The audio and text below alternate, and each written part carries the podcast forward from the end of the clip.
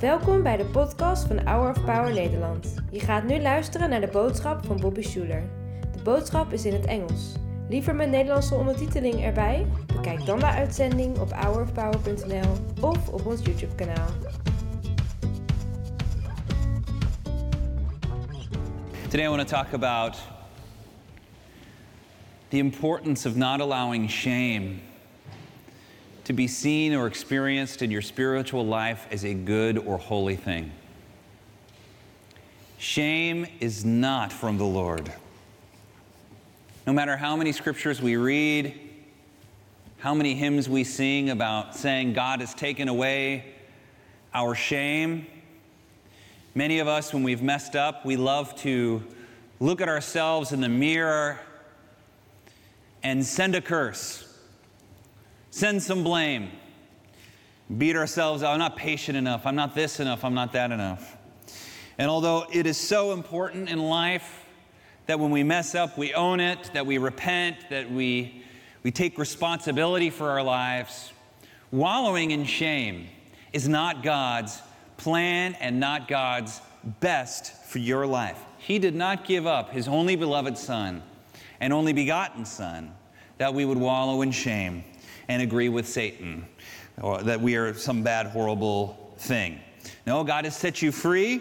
He's forgiven you. He's made you righteous and holy. So today I want to encourage you to do your best and forget the rest. Do your best and forget the rest. I'm embarrassed to tell you a story. Uh, in 2006, I took part in an abs contest. Now, a little backstory my, uh, my chiropractor, who is my dad's best friend, we went to him my whole life. My brother and I would go to him all the time. And of course, he was always trying to encourage us to eat well and exercise. And of course, we completely ignored his advice. But uh, every year, he had this thing with his friends and some of the people that went to his clinic where he'd do this abs contest. And the goal was for these men to lose weight, you know, going into the summer. And so we heard about this and we decided to join. My brother and I signed up, and basically what happens is after Easter, everybody puts 50 bucks in a pot, and whoever has the best abs in July gets the whole kit and caboodle. So it was like 15 weeks or something where I was working out and I was dieting and I was doing all this stuff because I wanted to win this abs competition. And I remember I asked my friend Chris Jensen, super athlete. He is diced and shredded. I mean, the guy is like, he does super marathons, which is where you run like 100 miles. And kind of one sitting. And he said, Here, he like on a PDF and on an Excel sheet gave me all the meals and exercises I should do. And he said, Basically, for your exercises, just do P90X. And I said, What's P90X? And he goes, You know, it's this. And I got to know this guy, Tony Horton.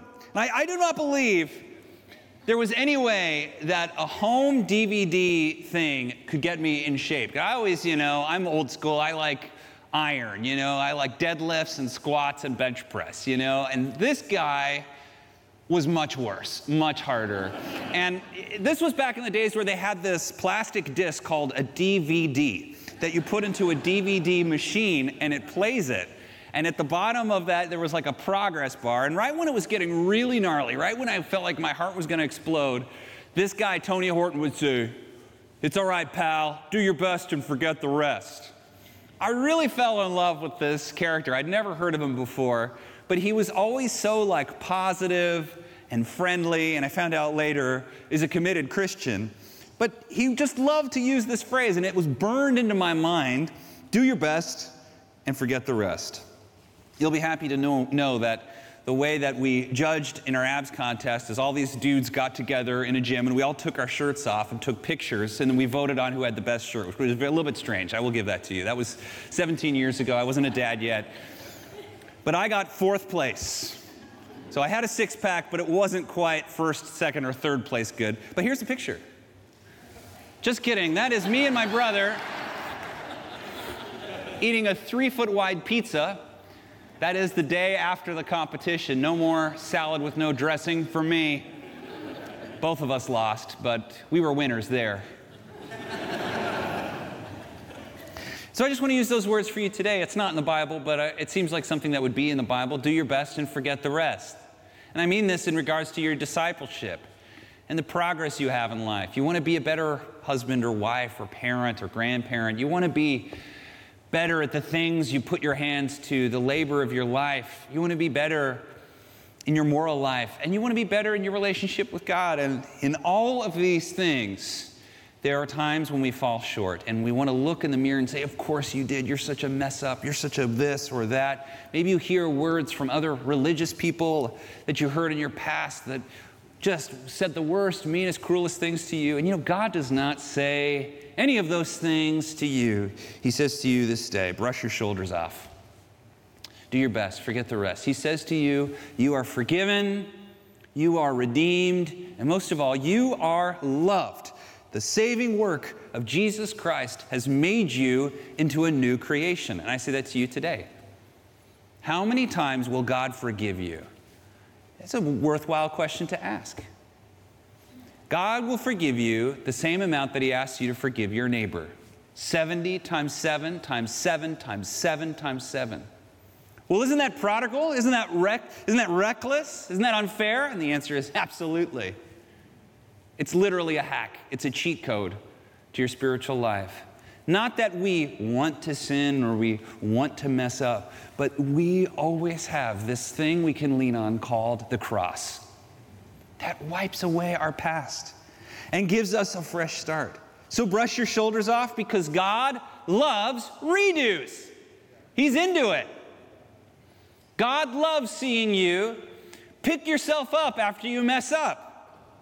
Yes, we got to deal with the mistakes we've made and we need to take responsibility for our life, but God is rooting for you.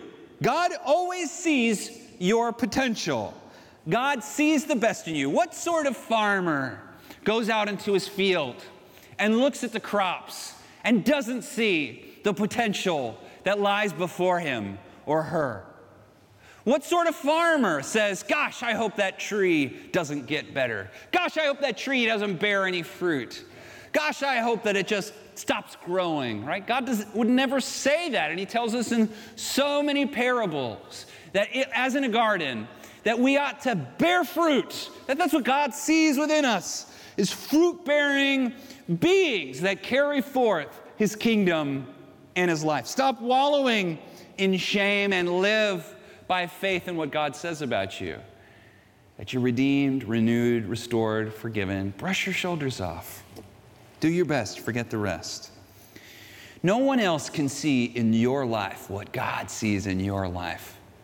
A wise man once said, Anyone can count the seeds in an apple, but only God can count the apples in a seed.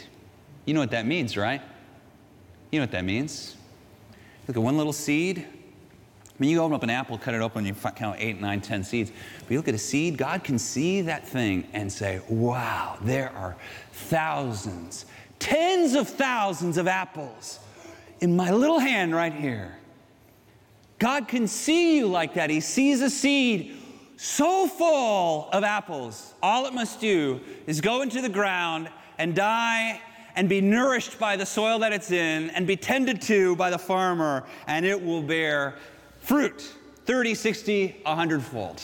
Isn't that good news? That's what God wants from your life is to die to your old ways, not to wallow in it, and to be made into a new creation. God is for you. He wants you to have a life bearing, uh, a fruit bearing life full of joy and compassion for your neighbor and not wallowing uh, in shame. It's in Isaiah chapter 1, we're going to read today. This is one of hundreds, literally hundreds of passages that just say, You're completely new in God's eyes.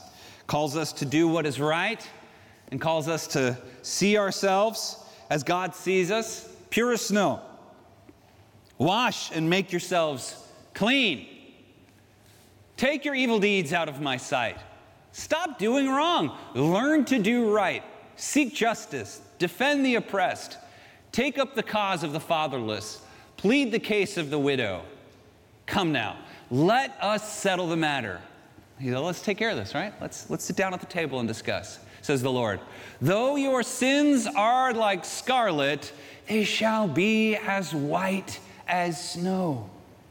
Though they are red as crimson, they shall be like wool. If you are willing and obedient, you will eat the good things of the land. I love that passage. When the Bible talks about white as snow, it's not talking about some virtue about the color white, or of course, it's not about race or anything like that. It's about the experience that you have when you see snow fall and it's laying fresh and powdery before you. Maybe you've gone up to Big Bear or Yosemite or one of the beautiful mountains we have, or wherever you're from. You've been to a beautiful mountain, and in the morning it's been you know, dry and there's nothing there, and then there's a windy sound over the night as you're sleeping, and you wake up and you see the sunrise on fresh white snow. There is something about snow, isn't there? Like even the way it's the everything sounds, it's just it's lovely. And this is the image that God has for us, totally fresh, like a brand new, like a baby, that He creates a new life inside of you. You're forgiven, you're loved, and it is it really did happen for you. This is the importance and the difference between what the world offers and what the Lord offers. The best the world can do is say, you know, process it and move on. Well, move on, move on with it. And the idea is that if you've done something bad or you have some trauma or something, you just sort of maybe talk it out and move on. And there is some benefit, of course, in talking about it, but that's not what the gospel is. The gospel is more than that. The gospel doesn't say just move on, the gospel says atonement. Atonement. The gospel says what you did really was bad. It's not denying that maybe some of the things from your past that bother you, something you said or did or stole or whatever, that it's not that it wasn't bad, that it was bad, but it's saying that all of that and more died and was crucified with Christ. You literally traded places by faith in your baptism with Jesus, where He became all of those things that you don't like, that you, all of those mess ups, all of those things that you did, and, and you traded and you became a new creation. It literally was killed on the cross. It literally died and was hung up there so that you could be a fresh and new creation. And what, what this does for us in our soul that's different than what the world offers is if you just move on as a, as a secular person or whatever, you still have it in an unconscious place. Outside, you're smiling, but you know you've got this thing inside. But as a believer by faith, you can literally say, that person is gone, dead. It's dead. It's dead. Even if it happened yesterday, even if it happened in the parking lot here at church as you were walking in, you just give it to the Lord and He forgives. Isn't that amazing? What an amazing gift that is. What an amazing gift. It doesn't say, of course, that we should have contempt for that and just do whatever we want, but rather it says, don't feel shame, feel God's forgiveness, and then do your very best to live like Christ and to forgive your neighbor in the same way Christ forgave you. And his, he just dying to forgive you. He just can't, like, that's all he needs. Boom, no problem, forgiven. Like, that is the heart of God. Isn't that such a gift? And it's no wonder you're God's beloved treasure. You're his child. It's no wonder he cannot wait to make you into a new creation, fresh, fresh snow, full of life completely clean, completely forgiven, blank slate, your whole life before you. That's what God offers you. That's what God offers you. Won't you accept that? You know, there's nothing stopping you from right now just saying that prayer in your own heart right now. There's nothing, nothing stopping you from just quietly in your own way saying, Lord, forgive me. I'm dead to that old life. Make me a new person. Nothing's stopping you from doing that right now. And if you do that, eh, something radical changes in the spiritual world that has an impact on the material world that we can see and measure. You are the righteousness of God in Christ Jesus. He who knew no sin became sin that you could be called the righteousness of God. Wouldn't it be weird to look in the mirror and say, I'm the righteousness of God? It doesn't feel right, does it? Makes it sound like because of what we do or our actions or we're perfect. No. I am the righteousness of God because almost like a spell was cast over me, that all sins and chains and burdens, they were just broken and washed away in an instant, in the blink of an eye, made completely new by the power of the resurrected Jesus Christ. You are holy. Holy. Now, we don't like that word today. It's not a very modern word, is it? Holy. I am holy. Can I just say, first of all, that, that the word holy actually, holy does not necessarily mean righteous. It means that you're obviously different than everyone else.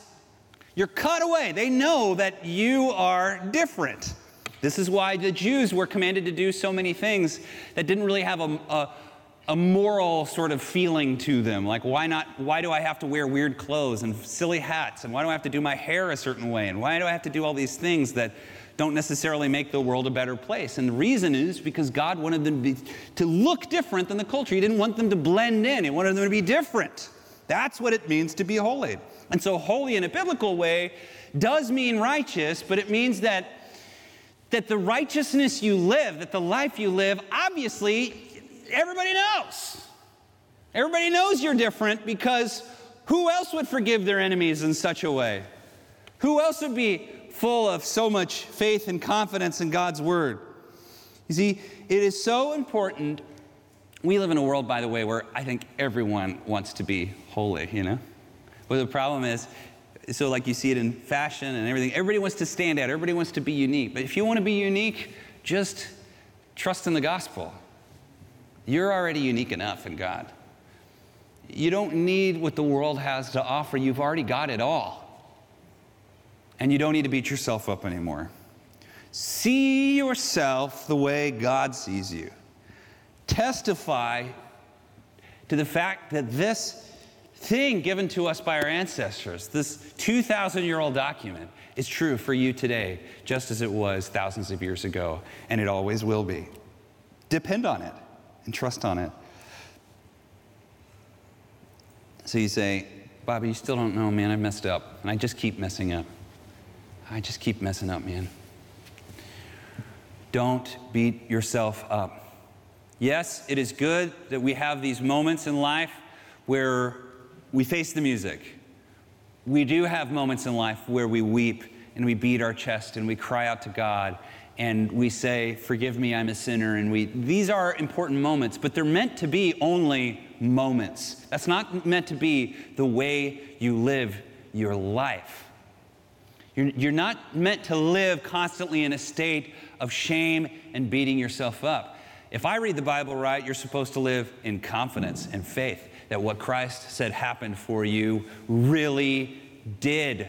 It really did happen for you. You know what God sees in you? He sees a new creation, a partner in the glory of heaven. Abraham's seed. You're a soldier of Christ. You're led by the Spirit. You're the body of Christ. You're an heir to the promise of the covenant. You are God's beloved workmanship. You are a steward of the mysteries of the Most High. You are the house of the Holy Ghost. You are a king's child. You are the righteousness of God, and you are the light of the world. Let your light shine before men and believe that it is true for you. It is. God just loves, loves to forgive and loves to pick you up and loves to see you making progress in your discipleship and in your life and in all the things that matter. He loves you so much. He does not love to withhold good things for you. He loves faith. He loves it when you trust Him. He loves it when you do just so simply, just do the next right thing. He is so for you. His heart swells with life and love for you. And that is the good news. What good news that is. God loves redos. So brush your shoulders off, uh, do your best, and forget the rest. Amen. Bedankt voor het luisteren naar de podcast van deze week. We hopen dat deze boodschap jou heeft bemoedigd. Wil je meer weten over Hour of Power of dagelijkse bemoedigingen ontvangen? Ga dan naar www.hourofpower.nl.